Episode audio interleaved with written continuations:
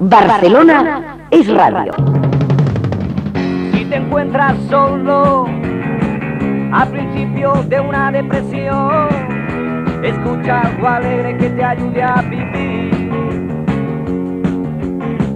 Si te gusta la música y la información, no pierdas el tiempo, cambia de misión. Quiero que lo pases bien puedas disfrutar. Te digo, ven, ven, ven a Radio España ya. Quiero que lo pases bien y que puedas disfrutar. Te digo, ven, ven, ven a Radio España ya.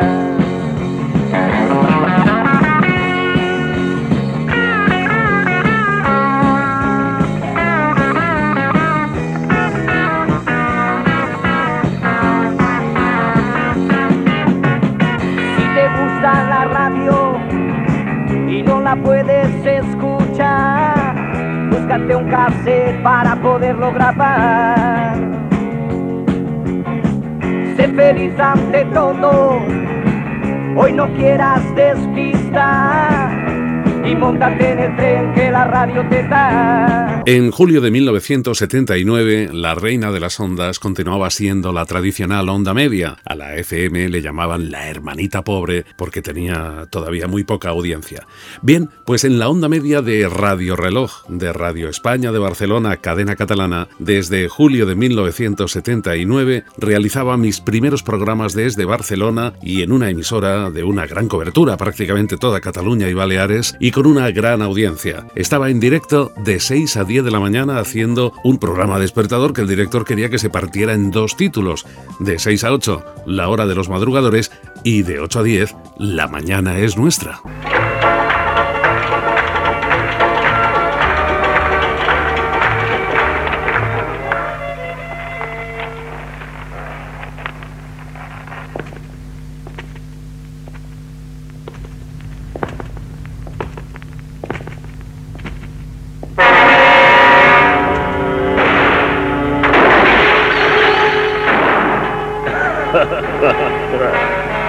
no serás precisamente tú quien iba a evitar escuchar la hora de los madrugadores.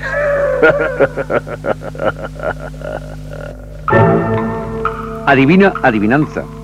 Si mi padre se llamara Tic y mi madre se llamara Tac y mi nombre se entendiera como se entiende un cantar, ¿cómo me habrías de llamar? La hora de los madrugadores. Barcelona es radio.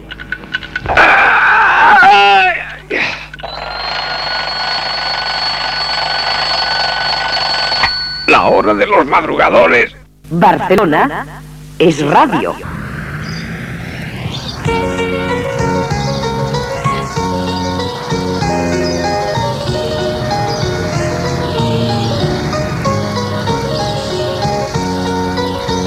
Perdón, señor, estamos haciendo una encuesta. ¿Usted a qué hora se levanta? Yo a las 6 de la mañana. Pues mire, precisamente a esa hora se inicia en Radio Reloj un programa que se llama La Hora de los Madrugadores, Ah. con adivinanzas, el humor de Ramón, música, la hora Ah, me lo va a exacta, decir usted, a mí no me cuente más, no me cuente más, no me cuente más. Yo que yo usted no los escucho, me lo sé todo, me lo sé todo, me lo Ah, sé bueno, todo. pues nada más, gracias. De nada, hombre, nada, adiós, adiós.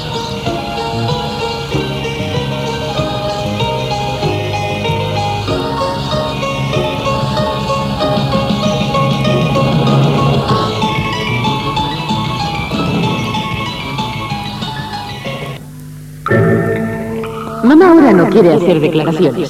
Atenta siempre al Iván que teje sus manecillas, nos ha enviado una redonda sonrisa de reconocimiento y saludo para su ahijada más querida, la hora de los madrugadores.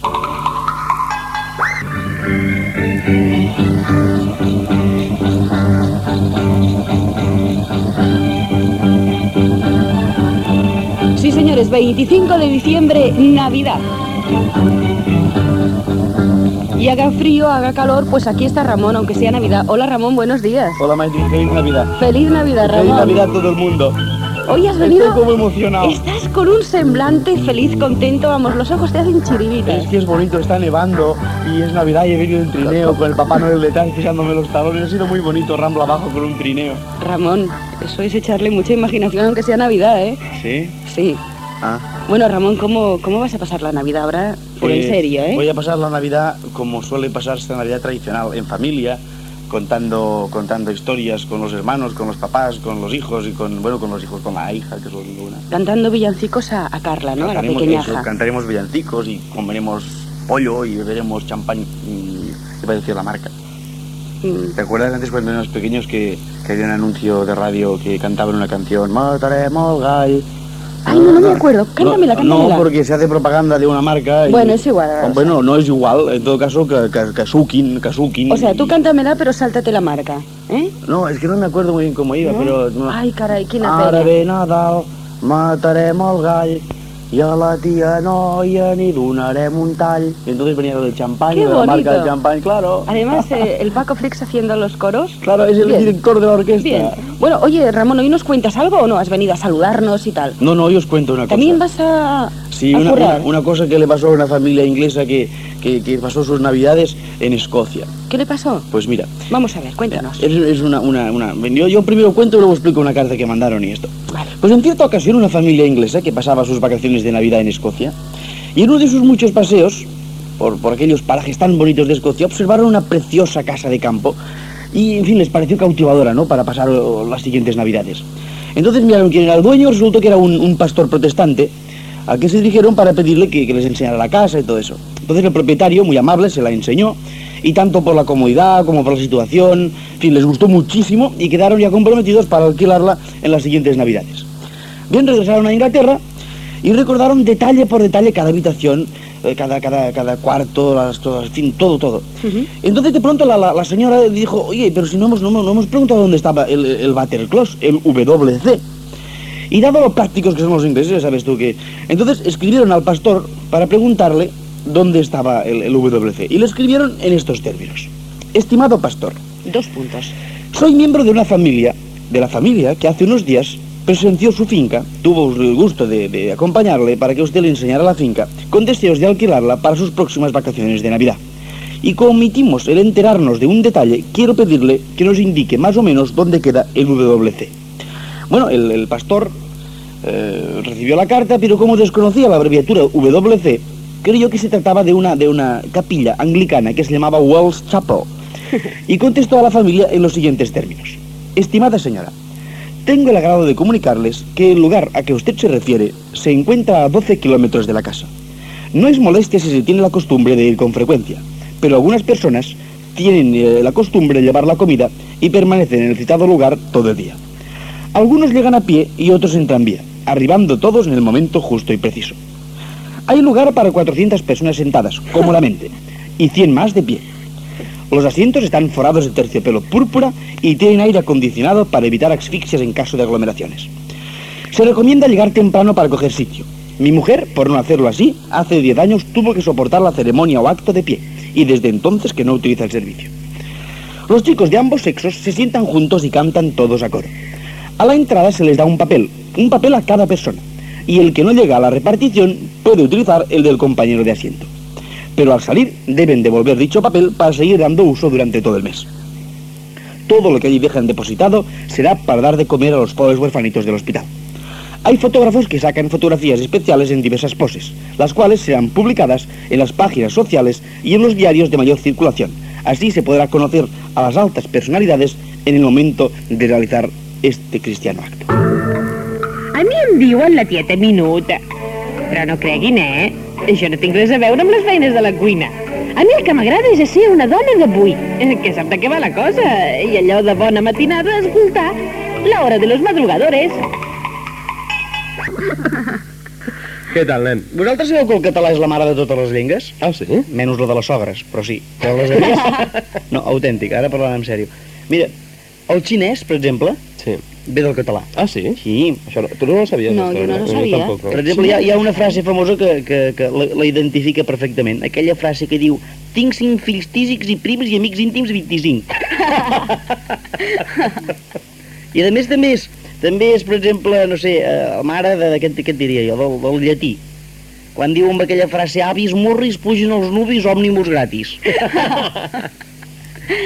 I el, és del, del gallec, també. També? També, el gallec, home, el gallec, van aprendre gallec, tots els gallegos van aprendre gallec en aquí, cony, i tant. Diu, guaita minyó la gaita de nyigui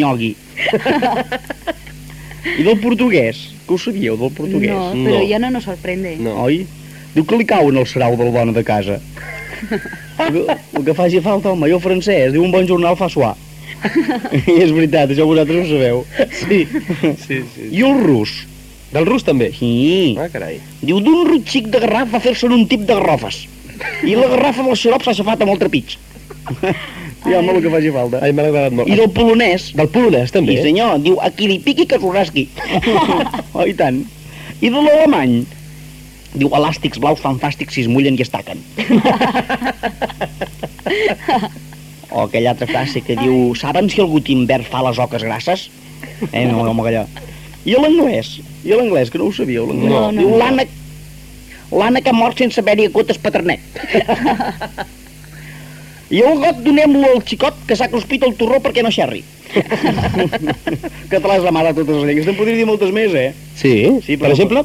Totes les que vulgui, fins i tot llengües mortes. Ah, sí? O, o, o, o, o la llengua d'Euskadi. Ah, sí? També, home. En euskera, va, vamos una con Que euskera. barri, barraga, no me la carreguis.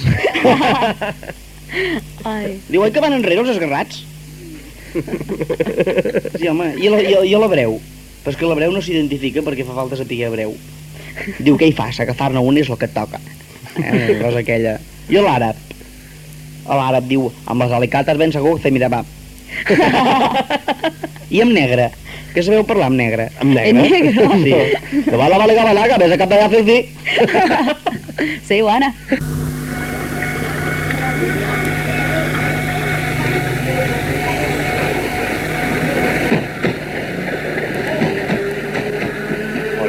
Tú.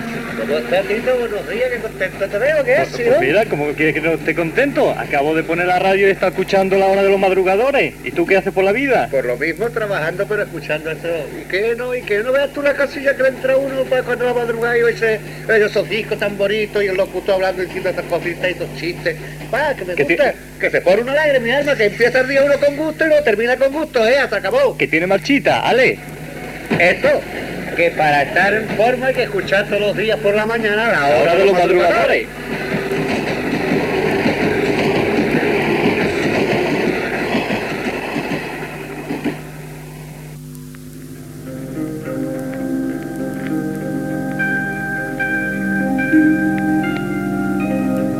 Juan hacía tiempo que sospechaba. Por ello había concebido un plan que llevaría a cabo hoy mismo. Sigilosamente abrió la puerta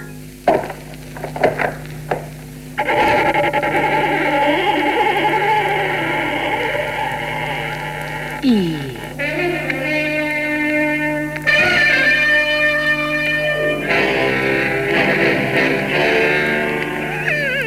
Lo sabía, lo sabía, escuchando la hora de los madrugadores.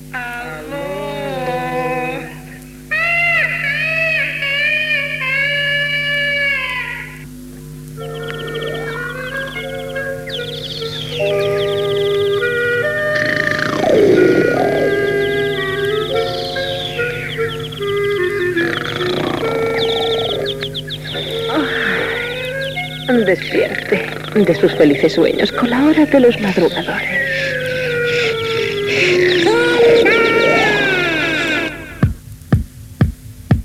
A partir de ahora, en Radio Reloj, la mañana es nuestra.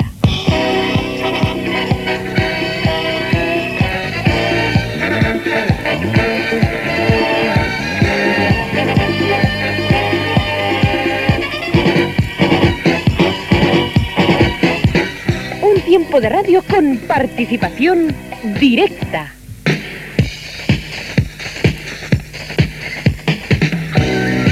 La mañana es nuestra, realiza y presenta Alberto Maya.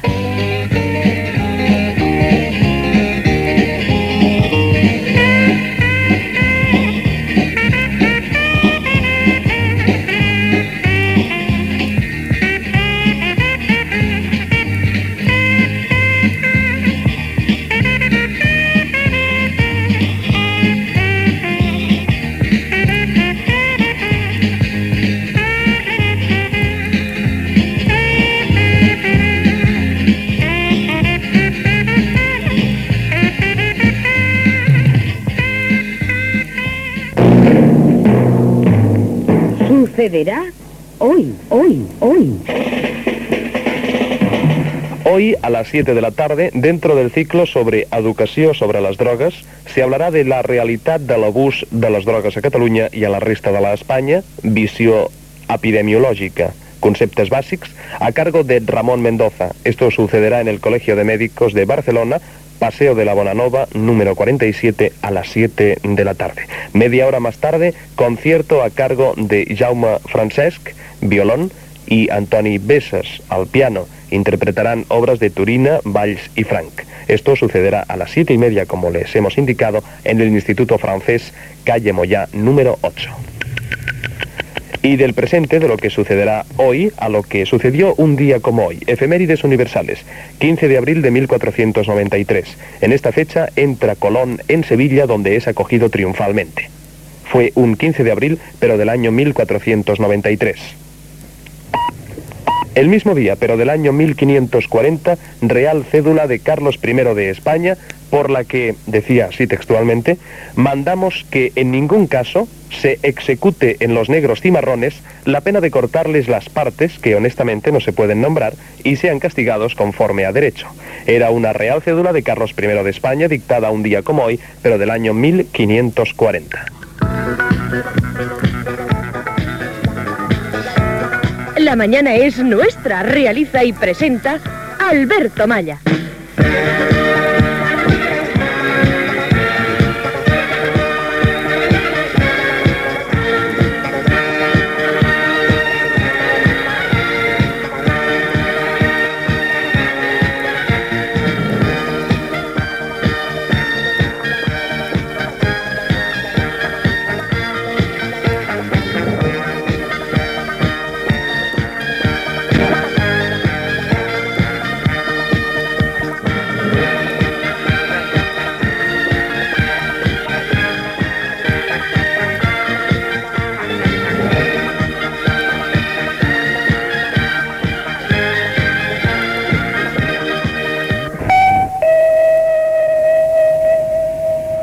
Las 8 y 18 minutos. Seguimos. Consejos Colacao para estar siempre en forma.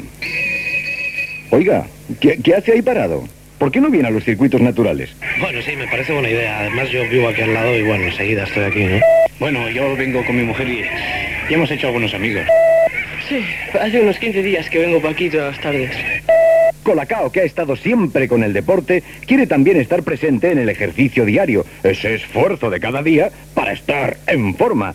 Siga los consejos Colacao en los circuitos naturales. ¿Se anima? Barcelona es radio. La mañana, lo creáis o no lo creáis, es nuestra, ¿eh?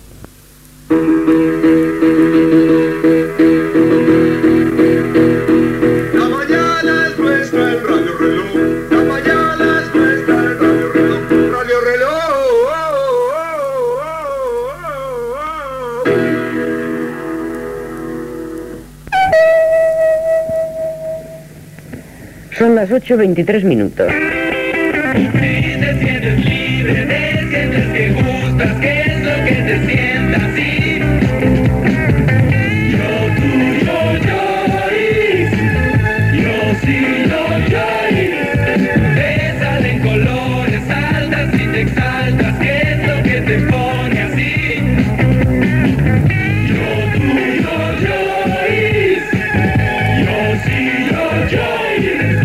Vaquera Joyce, una exclusiva del corte inglés. Estamos en diciembre de 1980. El día 8 de ese mes generó una noticia importante que nos hablaba de una muerte absurda. Parecía mentira. Así la explicaba en el telediario el corresponsal de televisión española en Nueva York, a quien le dio paso Cristina García Ramos, entonces conocida como La Canaria. Nuestro corresponsal en la capital neoyorquina, Pedro Arquicia, habla ahora del suceso que ha conmovido al mundo de la música. Según un informe policial hecho público hace unas horas, los acontecimientos se produjeron de la siguiente manera. John Lennon volvía a su residencia en compañía de su mujer después de haber estado en unos estudios de grabación. Cuando Lennon, que iba unos metros adelantado de Yoko Ono, se disponía a entrar en el portal de su casa, Chapman llamó su atención y cuando el cantante y compositor se dio la vuelta, le disparó seis balas. Inmediatamente fue conducido al Hospital Roosevelt, donde los médicos observaron una gran pérdida de sangre debida a las heridas de bala en el pecho, espalda y brazo izquierdo. El impacto de la noticia de su muerte ha sido igualada aquí a lo que significaron los asesinatos de los hermanos Kennedy y de Martin Lutero King. El presidente electo, Ronald Reagan, ha manifestado al enterarse de la noticia. Una gran tragedia. Con estas imágenes despedimos ya por hoy, señores Telediario. Muchas gracias por compartir este tiempo con nosotros y buenas noches. Ara, per saber com es havia rebut la notícia a Londres, escoltem el corresponsal de Ràdio 4 de Ràdio Nacional d'Espanya a la capital britànica. Imagina't que el cel no existeix, que sota no hi ha infern, no és difícil imaginar-s'ho. Unes paraules d'una cançó inoblidable que ara, arrel de la tràgica mort de John Lennon, ha adquirit una nova dimensió. Ahir al matí, en el metro, un grup de joves l'estaven cantant, desafinant, però amb una veneració fora de l'ocorrent. Una escena emotiva que no recordo haver vist mai en els silenciosos metros de Londres, on l'únic soroll que sent al matí són les fulles dels diaris. La notícia va arribar massa tard per als diaris del matí i la gent que no havien escoltat la ràdio no en sabia res, però s'ho comunicaven els uns als altres per al carrer, a les oficines i en els cafès. Què ha passat? Han matat el John Lennon. La comparació amb l'assassinat de Kennedy era evident.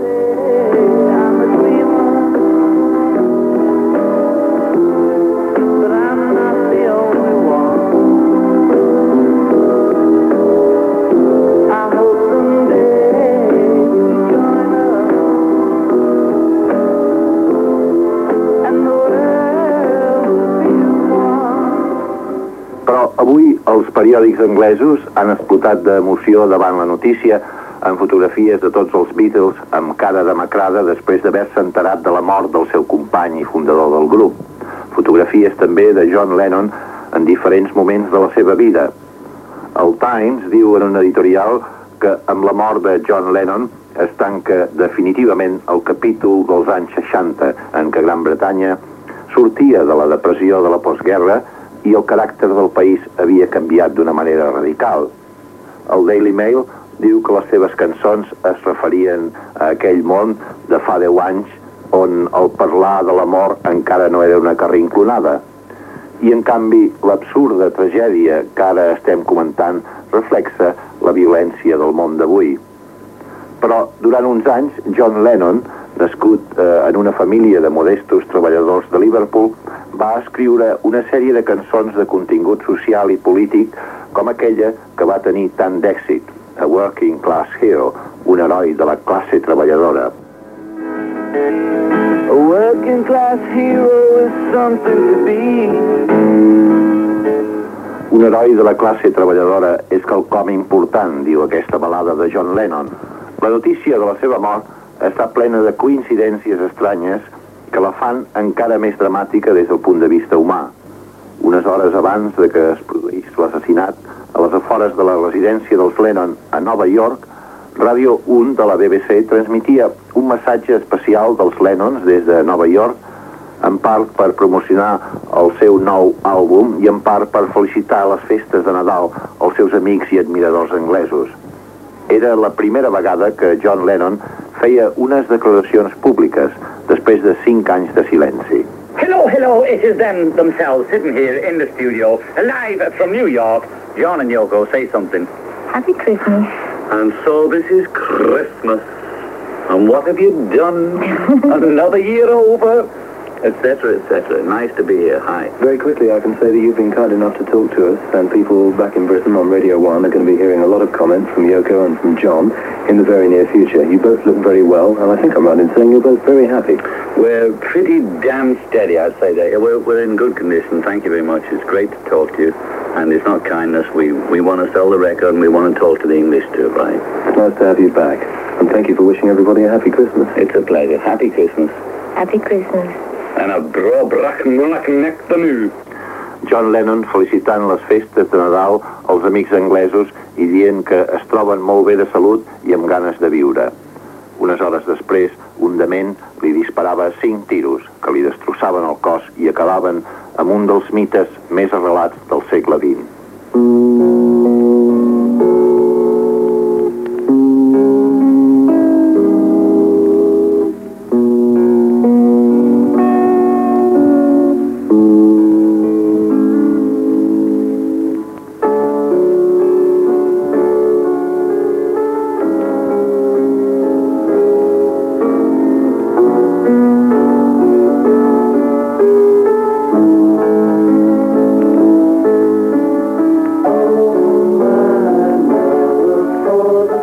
Fue el radioreportaje que transmitió desde Londres al día siguiente del asesinato de John Lennon el corresponsal de Radio 4, Alphonse Solé, con las palabras, con las últimas palabras de John Lennon pronunciadas ante los micrófonos de una emisora de radio. A los cinco días del suceso, improvisábamos en Radio España de Barcelona un programa especial de La Mañana es Nuestra como homenaje a John Lennon. Barcelona es radio.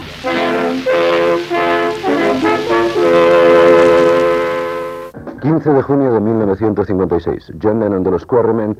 ...conoce a Paul McCartney que entra para formar parte del grupo. 1957, octubre, John y Paul componen su primera canción juntos... ...se titula Love Me Do. 1958, 29 de agosto, George Harrison, que había formado parte de los Rebels, se separa del grupo y conoce a los Quarrymen. En octubre del 61, Ringo Starr se incorpora a los Beatles. Y el 4 de septiembre de 1962 se graba Love Me Do. Love me do. Buen día, buenos días amigos que ahora os incorporáis a nuestra sintonía. Tal y como os habíamos anunciado, desde ahora y hasta las 10 de la mañana, Radio España de Barcelona, a través de su programa habitual de todas las mañanas, La Mañana es Nuestra, quiere rendir su modesto pero emocionado homenaje al tristemente desaparecido John Lennon.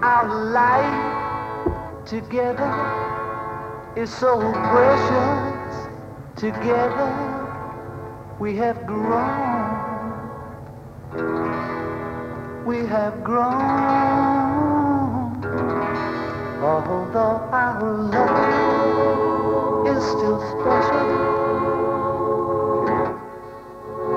Let's take a chance and fly away somewhere alone. We took the time, Los servicios informativos Sara Creus, documentación Conchita Parramón, control de sonido y montaje musical Paco Flix, colaboraciones de Raimundo Martínez, Chilo García Cortés, Paco Lobatón, Ricky Romero y José Padilla, locución Maitri Borao, realización Alberto Maya, especialista en el tema Beatle Josep María Francino. Es un programa de Radio Reloj de Radio España de Barcelona, cadena catalana.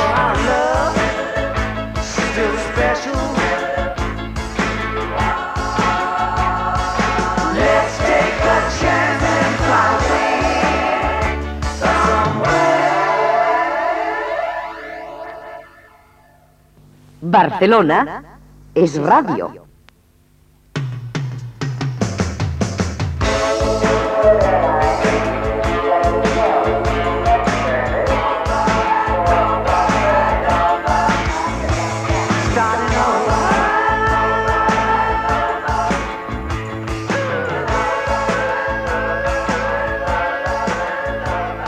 Pues es que a mí me gustaría preguntarle que, bueno, las disputas entre John Lennon y Paul McCartney, pues siempre se ha dicho que fueron debidas a, a Yoko, ¿no? Y entonces, pues yo quería preguntar que, entonces, si fueran debido a Yoko y a Linda Eastman, la mujer de Paul McCartney, yo creo que solo hubiera sido separarse los Beatles y ya, o sea, separarse todo, ¿no? Pero es que después vino también como una especie de odio entre John y Paul cuando habían sido tan amigos. Y yo creo que también tuvo que ser algo más. ¿Y qué podría ser este motivo? Bien, se ha escrito mucho sobre esto, pero también se han escrito otras cosas que yo creo que son más interesantes al respecto a nivel, si lo que te refieres en principio es a la disolución de Beatles. Para mí había un punto de referencia muy importante en los Beatles, un punto de unión fundamental que era un señor llamado Brian Epstein. Brian Epstein descubrió a los Beatles, eh, los eh, informó de cómo tenía que ir todo el montaje, cómo tenían que presentarse para que todo funcionara mejor y llegara mejor eh, la música y su mensaje a todo el mundo. Y Brian Epstein en definitiva fue como el padre de los Beatles. Entonces Brian Epstein en 1967 murió. Yo creo que aquí es donde se tiene que tomar el punto de partida de la separación de los Beatles. Los Beatles, al morir Brian Epstein, eh, tuvieron un desconcierto total, eh, tanto a nivel de grupo como a nivel psicológico. Los Beatles, eh, hasta aquellos momentos, solo habían tenido que pensar en componer, en cantar y, en fin, en ser ellos mismos, sin tener que preocuparse de todo este gran montaje que es el mundo de la música. Entonces aquí creo yo que es donde hay que tomar el punto de partida. Luego, evidentemente, pues salió Yoko Ono y salieron los problemas de John y de Paul, pero es que también salieron problemas con George Harrison y quizá con el que menos, pero también alguna cosa habría con Ringo Starr. De todas formas, eh, realmente en los años 70, a principios de los 70, en el álbum Imagine había un tema muy fuerte de John Lennon que se llamaba How Do You Sleep, donde trataba a Paul McCartney un poco menos que de un compositor de música music, de, música ambiental.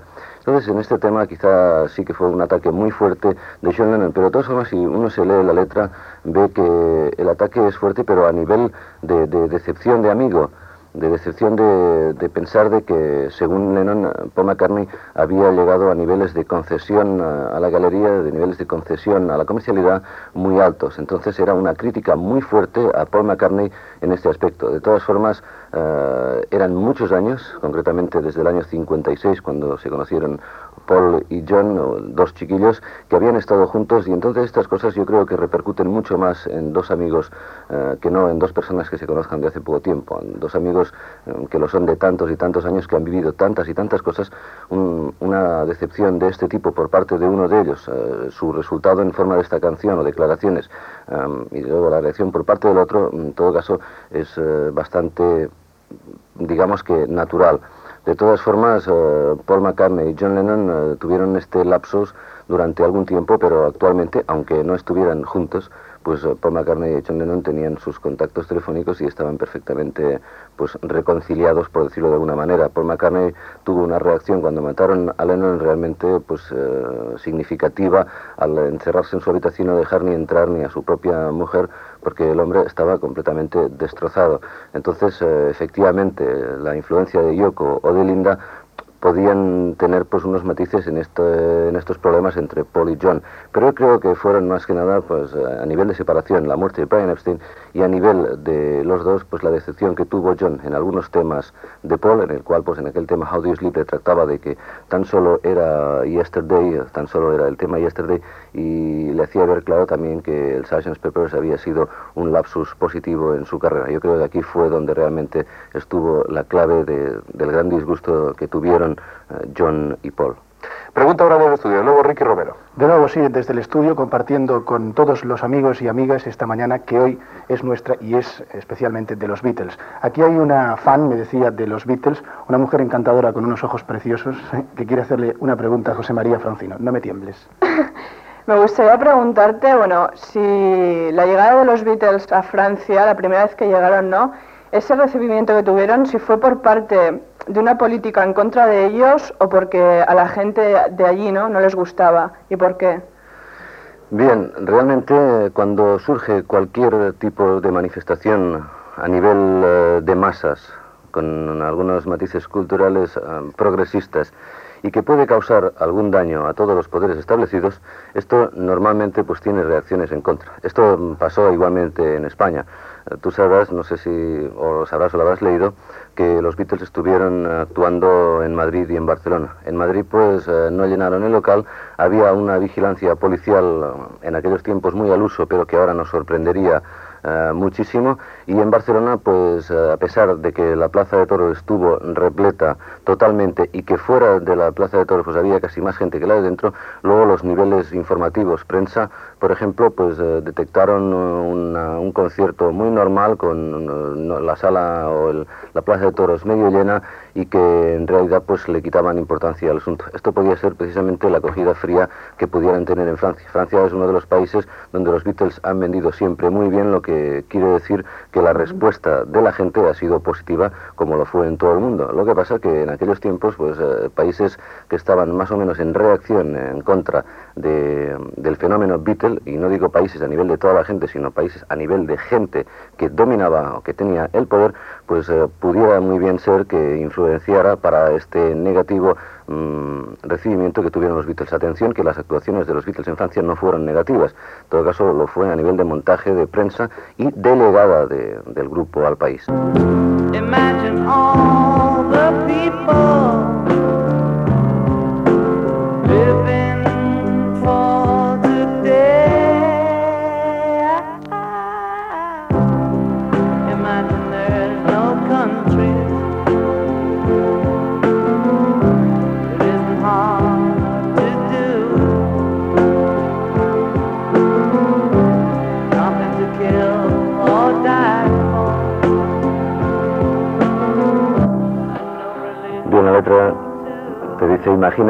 Que no existiera el cielo, imagínate que tampoco existieran las religiones. Te dice que es fácil si lo, si lo quieres probar. Imagínate que no existieran los países, que no existieran las fronteras. Imagínate que no existiera nada por qué morir ni nada por qué matar. Imagínate a toda la gente viviendo en paz.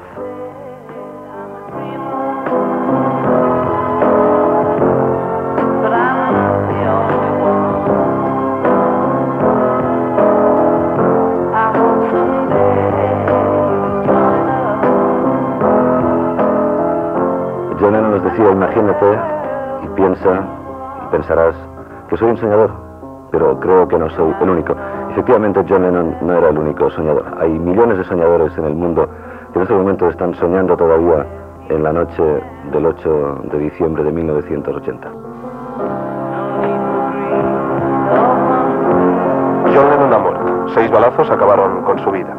El asesino de Lennon es un psicópata admirador suyo. El presidente electo Ronald Reagan dice que la muerte de Lennon es una pérdida irreparable. Lo considera como una gran tragedia. La muerte de Lennon reúne a los Beatles por última vez. Los fans del mundo entero lloran la muerte de Lennon. Adiós a John Lennon, adiós a una época. John Lennon, todo lo que necesitamos es amor. Yoko Ono invita a todo el mundo a meditar por Lennon. Miles de personas pasan la noche haciendo guardia ante la casa de Lennon. El hijo y la primera esposa de Lennon asisten a la ceremonia de incineración. John Lennon ha sido incinerado. El asesino de Lennon ha sido internado en un manicomio. El Conservatorio de Badalona llevará el nombre de John Lennon. Barcelona también piensa dedicar una calle a John Lennon.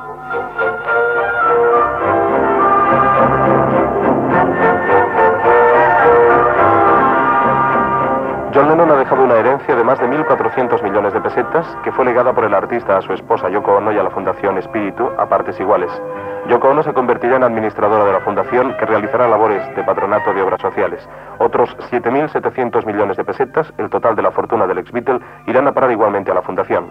La Fundación Espíritu ya venía funcionando gracias a una donación inicial de 7 millones de pesetas que hizo Lennon y que han sido destinados a obras de caridad, ayudas a hospitales de Harlem, subvenciones para la emisora más progresista de Estados Unidos, Radio Pacífica, para el canal de televisión educativa NET, compra de chalecos antibalas para la policía de Nueva York, etc. Mark Chapman, el asesino de John Lennon, debía comparecer ayer ante el Tribunal de lo Criminal en Manhattan. Hasta entonces estuvo sometido a observación por los psiquiatras.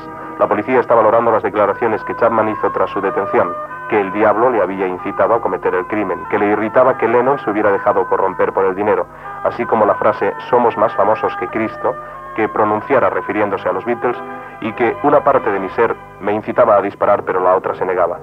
Según quienes le han conocido, Mark Chapman se había reintegrado al cristianismo, convirtiéndose en un Jesús freak, un loco por Jesús. Los psiquiatras al analizar los intentos de emulación de su ídolo que Chapman venía haciendo, firmar como él, casarse con una japonesa, vestir como Lennon, han apuntado que el asesinato de John fuese para él una especie de suicidio psicológico, valorando como patología su identificación con el artista. En última instancia, Mark Chapman había querido deshacerse del original que copiaba. La policía igualmente está tomando en consideración su declaración de que un cuadro de Dalí le había inspirado el crimen y tratan de establecer paralelismos entre su comportamiento y móviles y los del hombre que el siglo pasado terminó con la vida del presidente norteamericano Lincoln, libertador de los esclavos, que murió asesinado a tiros en un atentado que sufrió mientras presenciaba una obra de teatro. Mientras en Nueva York y Liverpool miles de jóvenes rinden emocionados homenajes a John Lennon con flores, velas encendidas y dedos formando el signo de la victoria, vaya desde aquí nuestra enhorabuena también a la emisora de Madrid Radio Centro, que viene emitiendo desde las 2 de la tarde de ayer un programa en frecuencia modulada que transmite ininterrumpidamente toda la obra musical de los Beatles y de John Lennon, así como opiniones de invitados del mundo de la cultura sobre el artista desaparecido. El programa de Radio Centro en FM terminará mañana a las 2 de la tarde. A lo largo de este programa nuestro de Radio Reloj tenemos una conexión prevista con los compañeros de Radio Centro. Son las 8.40 minutos. Eh, escuchemos una entrevista realizada por nuestro compañero Paco Lobatón a George Mustaki, que dio su opinión sobre este hecho. Ce matin à New York, John Lennon été mort par un inconnu, un fou, n'importe qui. N'importe qui vraiment parce que ce matin à New York, il y a quelque chose à nous, à nous tous, à toute une, génération qui s'est effondrée. Qu'est-ce qu'il pense, qu'est-ce qu'il sent, Georges Moustaki, à ce moment-là? Devant la mort, c'est vraiment euh, la chose que je ne peux pas définir. C'est, c'est une tristesse inexplicable. C'était pas un ami, c'était pas quelqu'un que, que j'écoutais tous les jours, mais c'est quelqu'un qui avait une place dans notre profession et, même dans notre génération, dans notre vie de tous les jours. Et de savoir que cet homme a été tué bêtement, c'est une telle absurdité, je crois que la tristesse vient de là. La tristesse vient de, de ce qu'on n'arrive pas à vivre euh, sans, sans crime, sans, sans destruction. Et puis, personnellement, j'avais pour John Lennon une admiration particulière et, et ça me touche sur ce plan-là aussi. ante una muerte tan absurda, cuando se mata a alguien con, eh, con, esa forma tan increíblemente absurda con que se ha producido la muerte de John Lennon, dice aquí, uno se siente verdaderamente triste. De ahí es de donde verdaderamente viene la tristeza. Dice Mustaki que no era alguien con quien tenía un contacto regular, pero que sin embargo eh, John Lennon sí que ha estado en la vida de todos nosotros muy cerca y por eso también eh, su ausencia repentina es eh, un motivo de tristeza. Escuchemos ahora la opinión de Joaquín Luqui, disjockey de la cadena SER y autor del libro Los Beatles que amo. Luqui, ¿qué ¿qué ha significado para ti este suceso que estamos comentando hoy? Los Beatles significaron lo que gracias a Dios todos, todos han reconocido no solo ahora en la muerte física de John Lennon, sino a lo largo de toda la historia. Los Beatles revolucionaron la música, los Beatles fueron el grupo que más avanzó, que más hizo avanzar la música. Ahora en los 80 nadie niega que estamos volviendo a los 60 y el sonido de los 60 lo marcaron los Beatles. Entonces la influencia de los Beatles es tan viva como cuando estaban juntos y grabando. La influencia de los Beatles es tan grande que han vendido más, el doble, más que el doble, no solo en España, sino en todo el mundo, en los 10 años que llevan separados que cuando estaban juntos. La influencia de los Beatles es tan grande que efectivamente el asesinato de un Beatle, de John Lennon, por desgracia tiene la misma importancia y me temo también que el mismo misterio que las circunstancias de la muerte de John Fitzgerald Kennedy, porque además está claro, y lo hemos dicho en varios programas aquí en Radio Madrid, como supongo que se habrá dicho en todas las emisoras de España y del mundo, que los Beatles llegaron a más cantidad y variedad de gente que ningún otro artista de ningún otro país y por supuesto ningún otro político. Los Beatles habían conseguido unir todas las opiniones sin ningún tipo ni de matiz. Entonces, si los Beatles han sido tan importantes, tan importantes, si han cambiado la sociedad tanto, está claro que la muerte de uno de ellos es uno de los sucesos más tristes de todo el siglo XX. Aunque yo pienso que la muerte es solo física. Quiero decir que si los Beatles estaban unidos dentro de nuestro corazón, aunque su separación era oficial, yo creo que la obra de John, aunque tenía efectivamente mucho por hacer todavía, la obra de John ahí queda. Y a mí me gustaría que cuando se siguiera hablando de John Lennon, no solo habláramos de la muerte, insisto, y de sus extrañas circunstancias, sino que siguiéramos diciendo una y otra vez John y Beatles Forever. Esta es la opinión de Joaquín Luqui, jockey de la cadena serie, autor del libro Los Beatles que amo. Conectamos ahora con eh, Miguel Ríos, que de alguna manera también como veterano rockero puede darnos su opinión eh, del hecho. Bueno, yo estoy todavía un poco anonadado, estoy totalmente eh, colgado con la idea de que John Lennon ha muerto, sobre todo que ha muerto de una forma tan, tan violenta, tampoco como él le hubiera gustado morir, me figuro, porque como todo el mundo sabe, John Lennon fue una persona que, desde aquel aquellas canciones sobre la paz y su actitud absolutamente pro, pro uh, conciencia humana para tomar para un cambio, pero algo más más bonito que era que, que, es construir la vida que no morir, pues me seguro que él habría deseado otro tipo de muerte mucho menos, menos violenta como decía antes. Estoy un poco, ya te digo, pues por la idea de que, de que esto pueda todavía pasar en el mundo, ¿no? que esté pasando de hecho.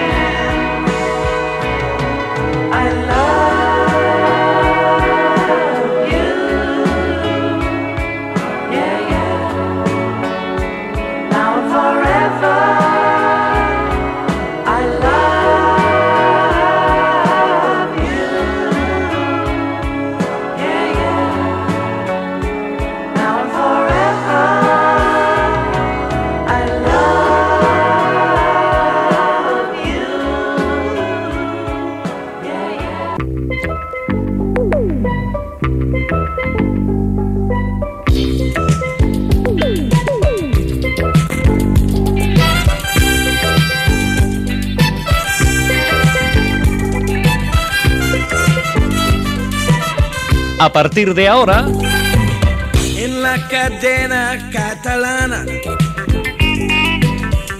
la mañana es nuestra. La mañana es nuestra.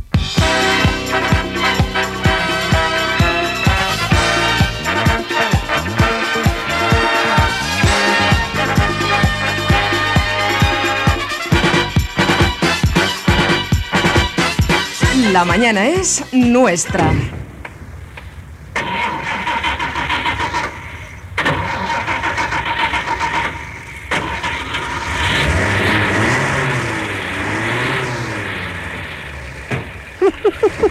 La mañana es nuestra.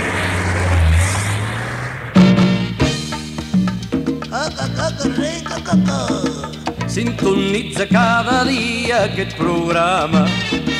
Mira quina meravella, valga'm Déu.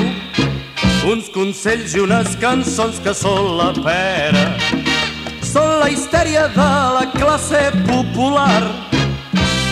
Tonifiquen, inodoren i li fem pa i pipa i lentetes perquè hem esmorzat.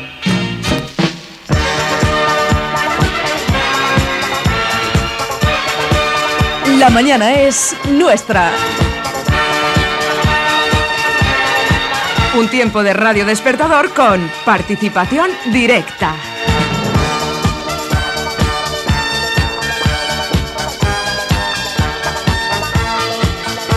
Tito.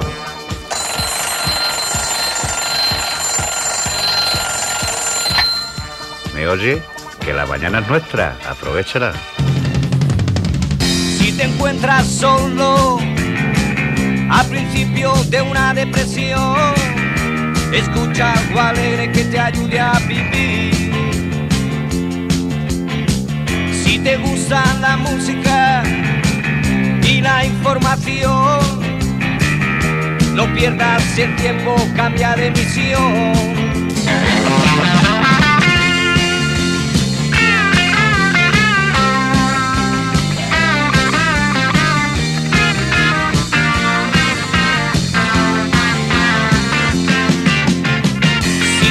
Gusta la radio y no la puedes escuchar, búscate un cassette para poderlo grabar. Sé feliz ante todo, hoy no quieras despistar y montate en el tren que la radio te da. La mañana es nuestra.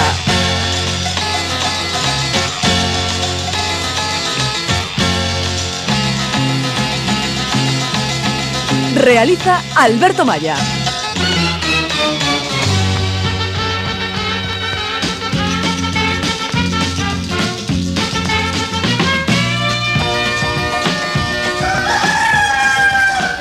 La mañana es nuestra.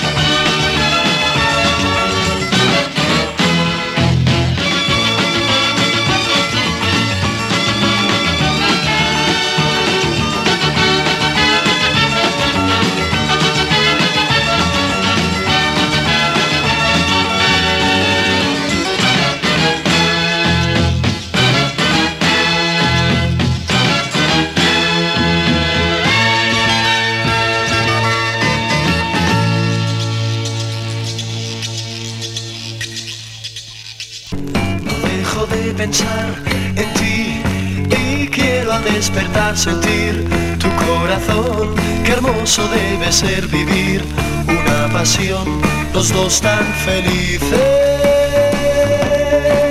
Poderte preguntar con ansiedad. Hola amigos, buenos días. Yo soy Santi de los eh, Mustang. Siempre que puedo también escucho La Mañana es Nuestra en eh, Radio Reloj. Os envío desde aquí unos saludos cordiales y os digo que hasta pronto. juntos con nuestro amor, amor de juventud. Todo, baby, para los dos ha de ser un cielo azul. És que m'han dit que no ho digués. No diguis pas, no diguis pas. Però no m'ho vull callar. Calla paret, calla paret. Són les dones les que manen. A dintre i fora de casa tallen sempre el bacallà. Els homes que han fet història, intel·ligents i valents, Rodar y rodar y rodar, como las olas. Solo rodar y rodar y rodar y ver la vida pasar. La mañana es nuestra, toda nuestra. Vuestra, mía, de ellos. Bueno amigos, soy Peret. Desde aquí os quiero mandar un saludo muy cordial a todos los oyentes de La Mañana es Nuestra. per un forat que té un foradet de color rosa, és allà on l'amor s'hi posa i l'home es torna un ninot.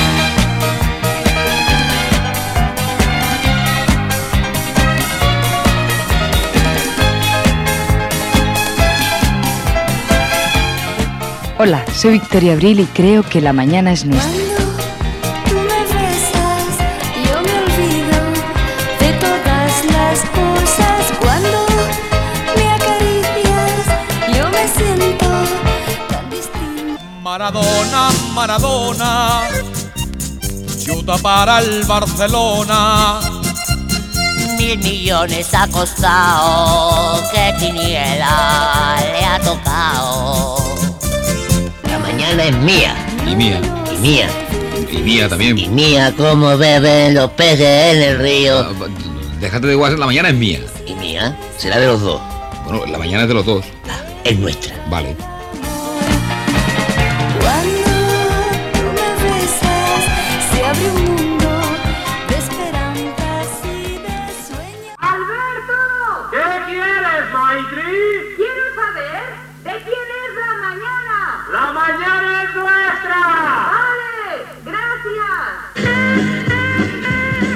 La mañana es nuestra en Radio Reloj.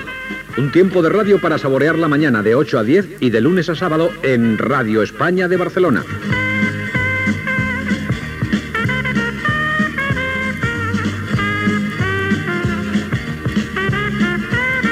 Lunes 23 de febrero de 1981, sobre las seis y media de la tarde. Congreso de Diputados de Madrid. En estos momentos, en estos momentos hay, un disparo. Se ha oído un, un golpe muy fuerte en la cámara. No sabemos lo que es porque porque se ve la policía, la, la- la Guardia Civil entra en estos momentos en el Congreso de los Diputados. Hay un, un teniente coronel que con una pistola sube hacia la tribuna. En estos momentos apunta es un guardia civil, está apuntando con la pistola, entran más policías, entran más policías, está apuntando al presidente del Congreso de los Diputados con la pistola y vemos cómo, cómo, cuidado, la policía, la policía. No podemos emitir más porque nos están apuntando con la policía. Llevan, llevan.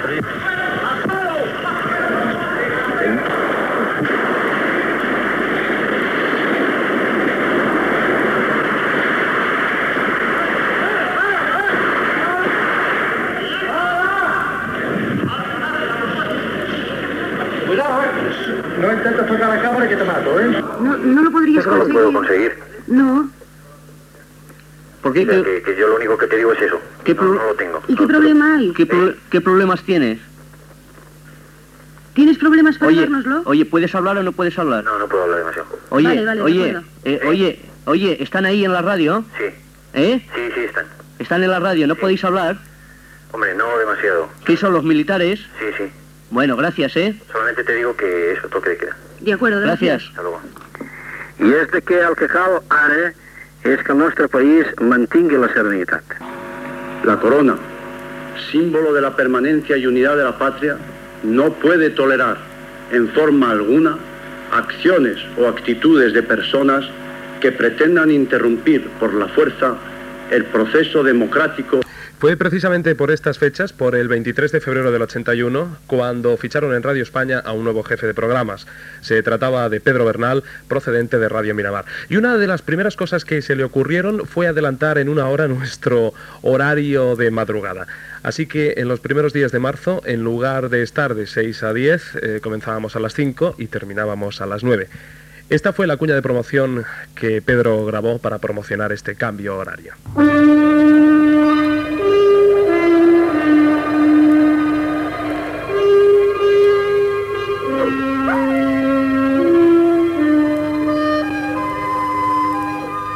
Todas las mañanas, cuando dan las 5 de la madrugada, en todos los rincones de la pradera,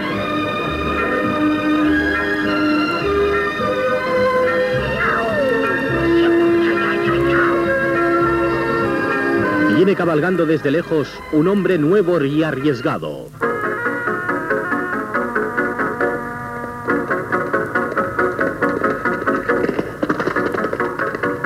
Eres Alberto Maya. Su misión, despertar a todo un pueblo.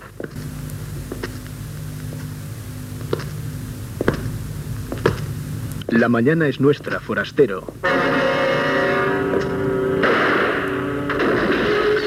Oh, Albert, qué bueno que viniste.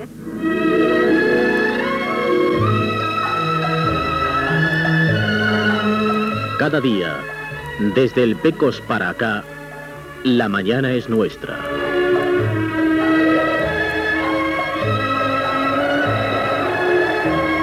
Cada día, a las 5 de la mañana en cualquier rincón de la pradera. Desde los Sioux a los Pasquinel, pasando por los Cherokees y los Pies Negros. Todos acuden a la llamada de Radio Reloj. No sea usted menos. La mañana es nuestra.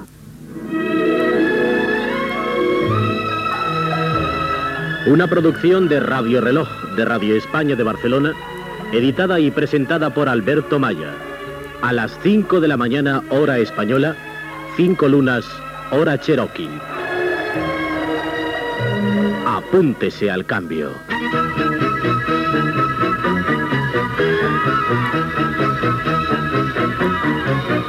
Y aquí está la bullonera.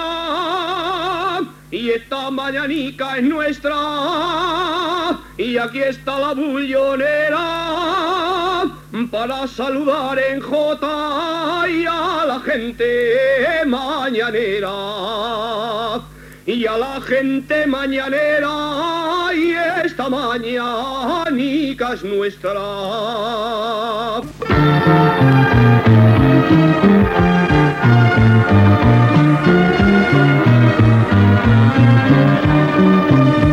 Aquest matí, avui, aquí,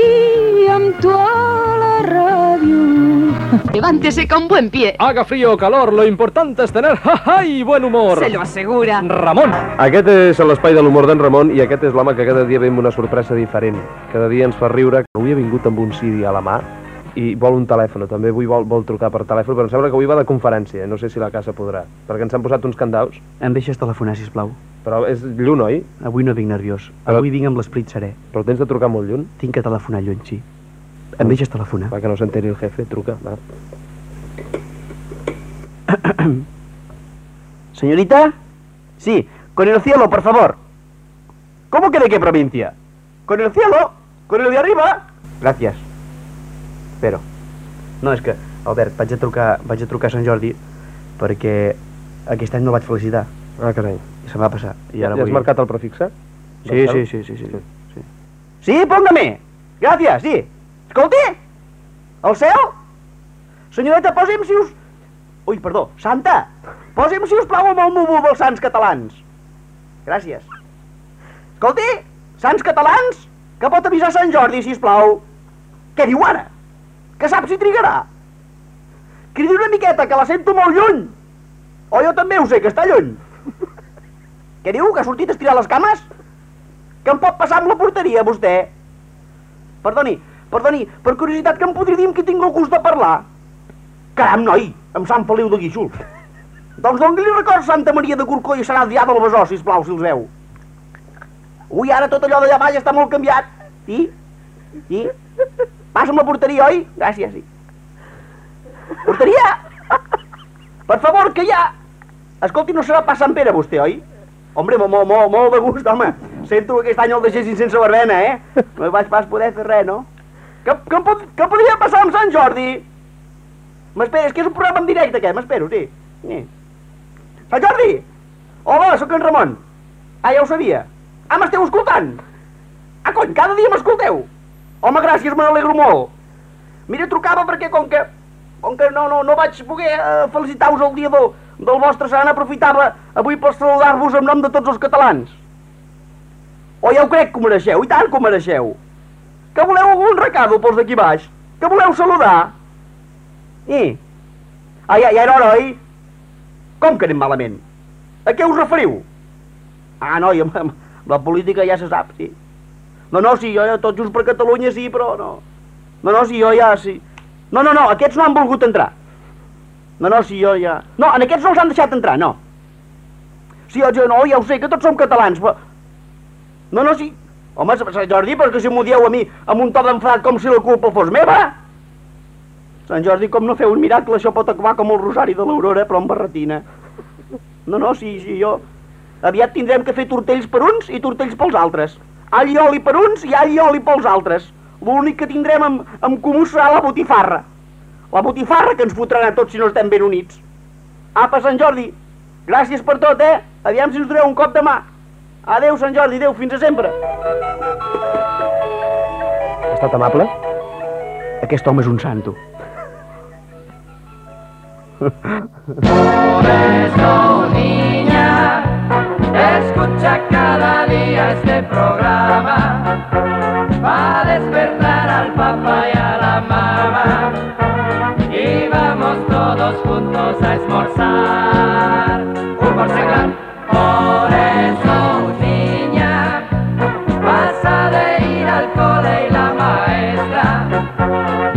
de la que hacen de manera singular estos dos Estefan. Maitri Malla y Alberto Borau.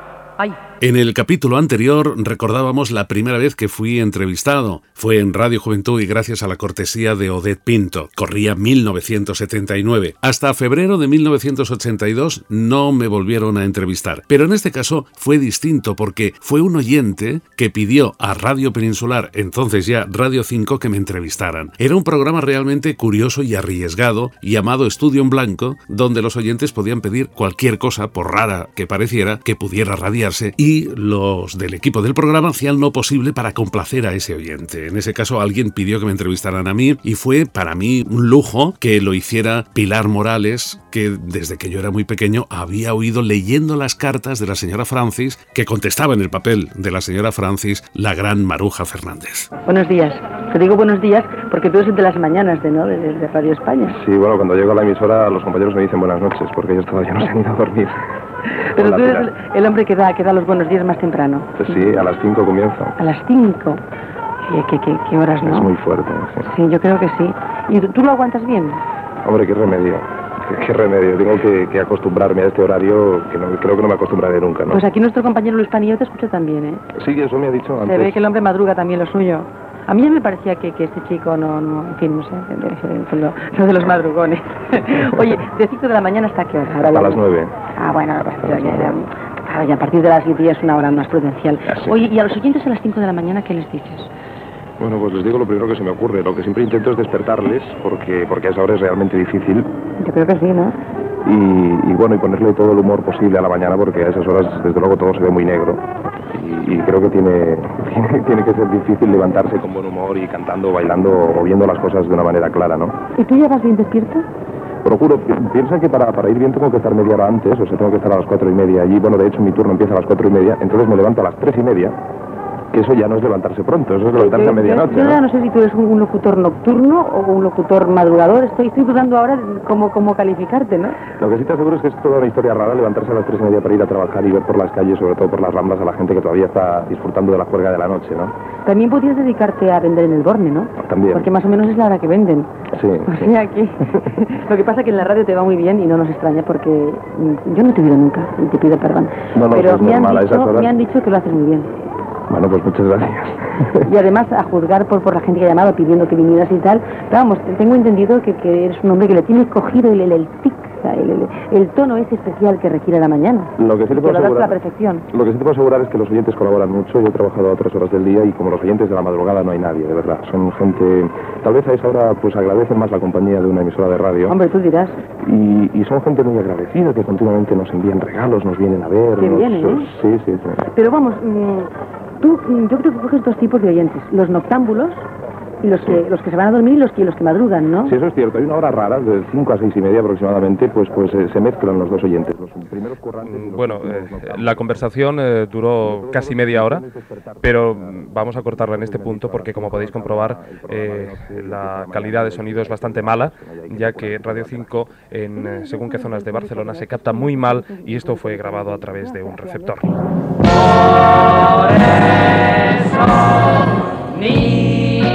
Niña, niña, la mañana es nuestra en la radio.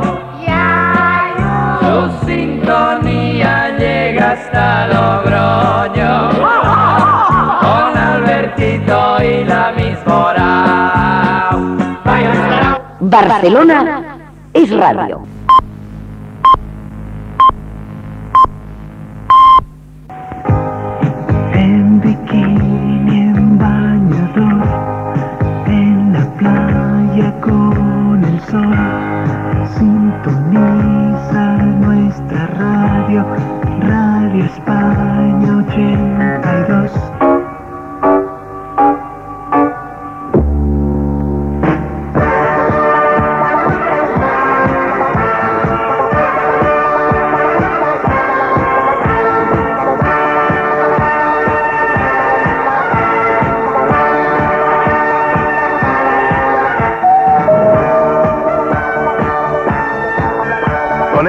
Distintivo de nuestra emisora y cuando son las 5 y 4 comenzamos.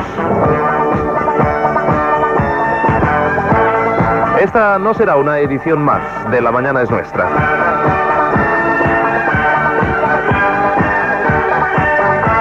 La que estamos estrenando será una edición muy especial porque hoy queremos compartir con todos nuestros amigos madrugadores tres años de existencia en las ondas de Cataluña. Comenzábamos el 2 de julio de 1979 con esta sintonía. Comenzábamos con 120 minutos de programa de 8 a 10. Más tarde fueron 3 horas de 7 a 10 para dar paso ya en septiembre a 4 horas de 6 a 10 que desde el 2 de marzo mm, del 81 se convirtieron en eh, las 4 horas de 5 a 9 que ahora estamos manteniendo.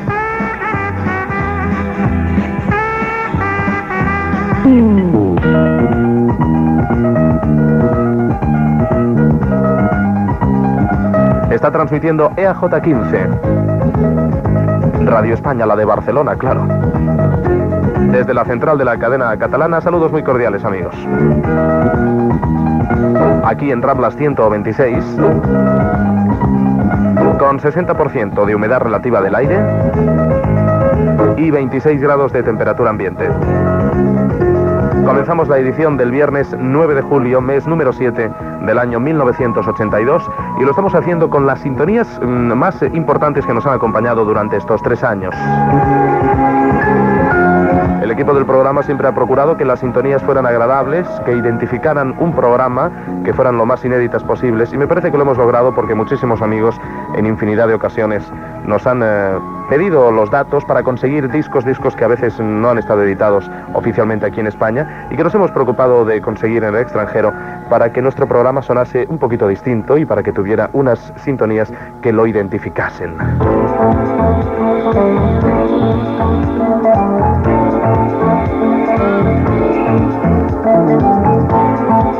Han transcurrido 190 días de este año, al que le quedan en consecuencia 175 jornadas. Hoy el sol sale a las 6 y 25 para no ponerse hasta las 9 y 26.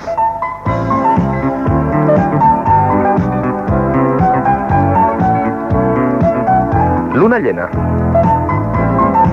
Luna que estará en cuarto menguante a partir del día 14.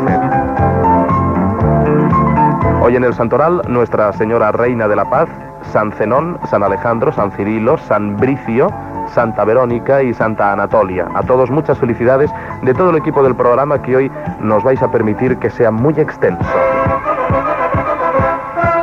El control de sonido actualmente está Tony Mascaro, pero queremos saludar a todos los amigos que han pasado por este control de sonido y que han tenido que madrugar y que, con el sueño y el bostezo han tenido que, que empezar a hacer ruido, a mover teclas y a mezclar sonidos para despertar a los amigos. Queremos saludar de una forma muy especial a Paco Flix, que estuvo durante mucho tiempo encargándose de esta parte técnica, también a Jorge González, a Jaime Váguena, que luego, bueno, pues se fue a Holanda, donde sigue trabajando en Radio Nederland, a José María Arellano, que ahora está en la SER, a Jesús Pastor, que ahora está en la Mili, a Jordi Puig, que como saben ahora está en los equipos móviles, a Luis Nubiola, que también alguna que otra vez ha realizado este programa y que habitualmente realiza técnicamente el programa de la noche, el de Nuria, a Ricky Romero, que en alguna que otra ocasión también ha estado aquí en tiempo sobre todo de vacaciones, a Javier Soleil, que se despidió hace poco ya para irse a la Mili también, y me parece que no me olvido a alguien, y si me está escuchando algún compañero técnico que algún día estuvo aquí y no lo he nombrado, de verdad que, que me perdone, pero creo que, que, más o menos están todos, y si me olvido a alguien que me perdone, porque han sido tres años y tal vez se ha dado la circunstancia algún día de alguna excepción de la que me he olvidado. Por supuesto, a mis locutoras preferidas, a mis locutoras queridas, no las quiero olvidar. En esta ocasión, como solo han sido tres, pues por supuesto que me acuerdo de todas. Bueno, empecé el 2 de julio con Ernestina Guillén, con esa gran profesional que ahora está de, vacaciones, que lleva 23 años en la casa y que, que es una, una profesional como la copa de un pino, que estuvo pues enseñándome muchas cosas y de la cual aprendí mucho. Más tarde estuvo conmigo Monse Calvo, que era, bueno, pues una muchachita que estaba aprendiendo a hacer cositas en el micrófono, que estaba empezando a, a decir hola y que ahora se encarga de la producción de diferentes programas, para dar más tarde la bienvenida a Maitri Borau, que como saben ustedes desde entonces fue su salto a la fama y Maitri, bueno, pues ya desde entonces ha sido solicitada por infinidad de emisoras y de programas, lo que pasa es que aquí le pagamos muy bien y ahora pues está de vacaciones. Eh, por si por casualidad nos está escuchando o le llega la onda o nos está escuchando su mamá, la señora Socorro, pues en fin, eh, gracias a Maitri porque ha colaborado de una manera muy muy especial con el programa para que esto siguiera adelante e indudablemente cuando el programa ha tenido más éxito ha sido en la época en la cual ya se empezó a incorporar Maitri, pero porque, más que nada porque ya teníamos más experiencia y porque ya íbamos aprendiendo los truquillos de la antena. Son las 5 y 10 minutos. Buenos días. Tercer aniversari de la Mañana és Nostra. El matí és nostre, cadena catalana. Vull saludar naturalment a tots els meus amics col·laboradors, al nostre bon amic Ramon. Avui li demanarem a en Ramon un xiste de l'any 79, un altre del 80, un altre del 81 i un altre del 82. Xistes molt escollits, xistes molt bons per recordar aquest sinfí d'acudits que ell ens ha explicat cada dia. A Raimundo Martínez le voy a pedir que, que, haga memoria y que se acuerde de los conciertos más importantes de estos tres años de programa en el mundo del espectáculo. También queremos saludar a nuestros compañeros del tiempo, a Pepe, a Zacarías, a Ricardo Freire y a José Manuel. El estado de la mar cada sábado y desde hace medio año nos lo sirve Pep Bermejo, nuestro marino. Saludos, Pep. Están de vacaciones, pero durante muchos sábados también han colaborado con nosotros el profesor clarividente Eric y nuestra amiga bruja Esterela. También durante un tiempo estuvo colaborando con sus cosas de Barcelona nuestro buen amigo Josep Macià. Desde aquí también el agradecimiento del programa. Un programa que, como todos los de esta emisora, ha tenido informativos cada cuarto de hora y es justo también que saludemos a todos los informadores, y perdón si me olvido de alguno, que han pasado por aquí, que también han madrugado pronto para dar la primera información del día. Saludos, por ejemplo, a Concha Parramón, a Sara Creus, a Miguel Marín, que es el que ahora habitualmente está con nosotros, a Joan Rafael, a Tony Travería, a Antonio Caña, a Jesús de Orlegui, a Marta Puertolas. Ahora la chica está con, con Luis del Olmo, estuvo aquí durante, durante un, tiempo aquí por la mañana y luego consiguió estar en el equipo de ese gran profesional que es Luis. A Federico Menescal, que también estuvo en los informativos al principio del programa. A José Manuel Muñoz, José María Alemán, Julio Costa y José Luis Hernández Abajo, que se encargaron de los deportes.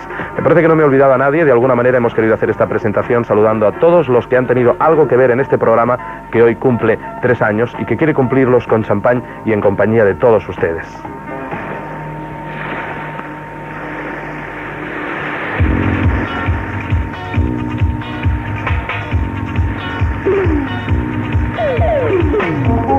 Mañana es nuestra.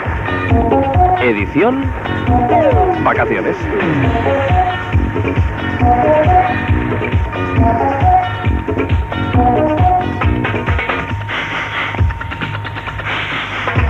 Por supuesto, el agradecimiento por mi parte de quien les habla, Alberto Maya, de todos los amigos que han tenido la santa paciencia de escucharnos, de los que nos han criticado, que han sido realmente pocos, pero que nos han eh, hecho un gran favor porque hemos intentado superarnos cada vez que hemos cada vez que nos ha tocado una bronca.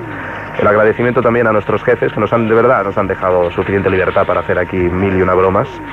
Mm, A nuestro director, a nuestro jefe de programas que bueno, pues que han sido bastante benevolentes a la hora de, de pegarnos el palo y, y bueno, y también a todos esos amigos madrugadores que nos han seguido tal vez a lo largo de estos tres años.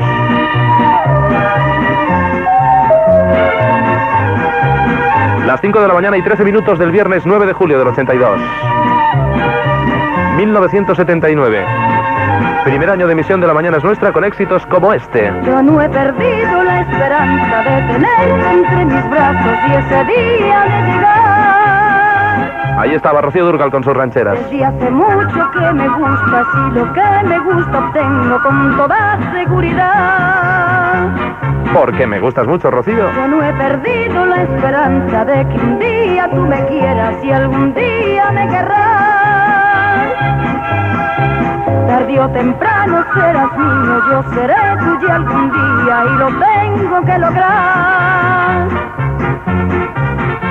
Este amor que ya te lo advertí que no descansaré hasta que llegue uno más. Pues tú me gustas de hace tiempo, mucho tiempo atrás. Me gustas mucho, me gustas mucho tú. Tarde o temprano seré tuya, mío tú serás. Barcelona es radio.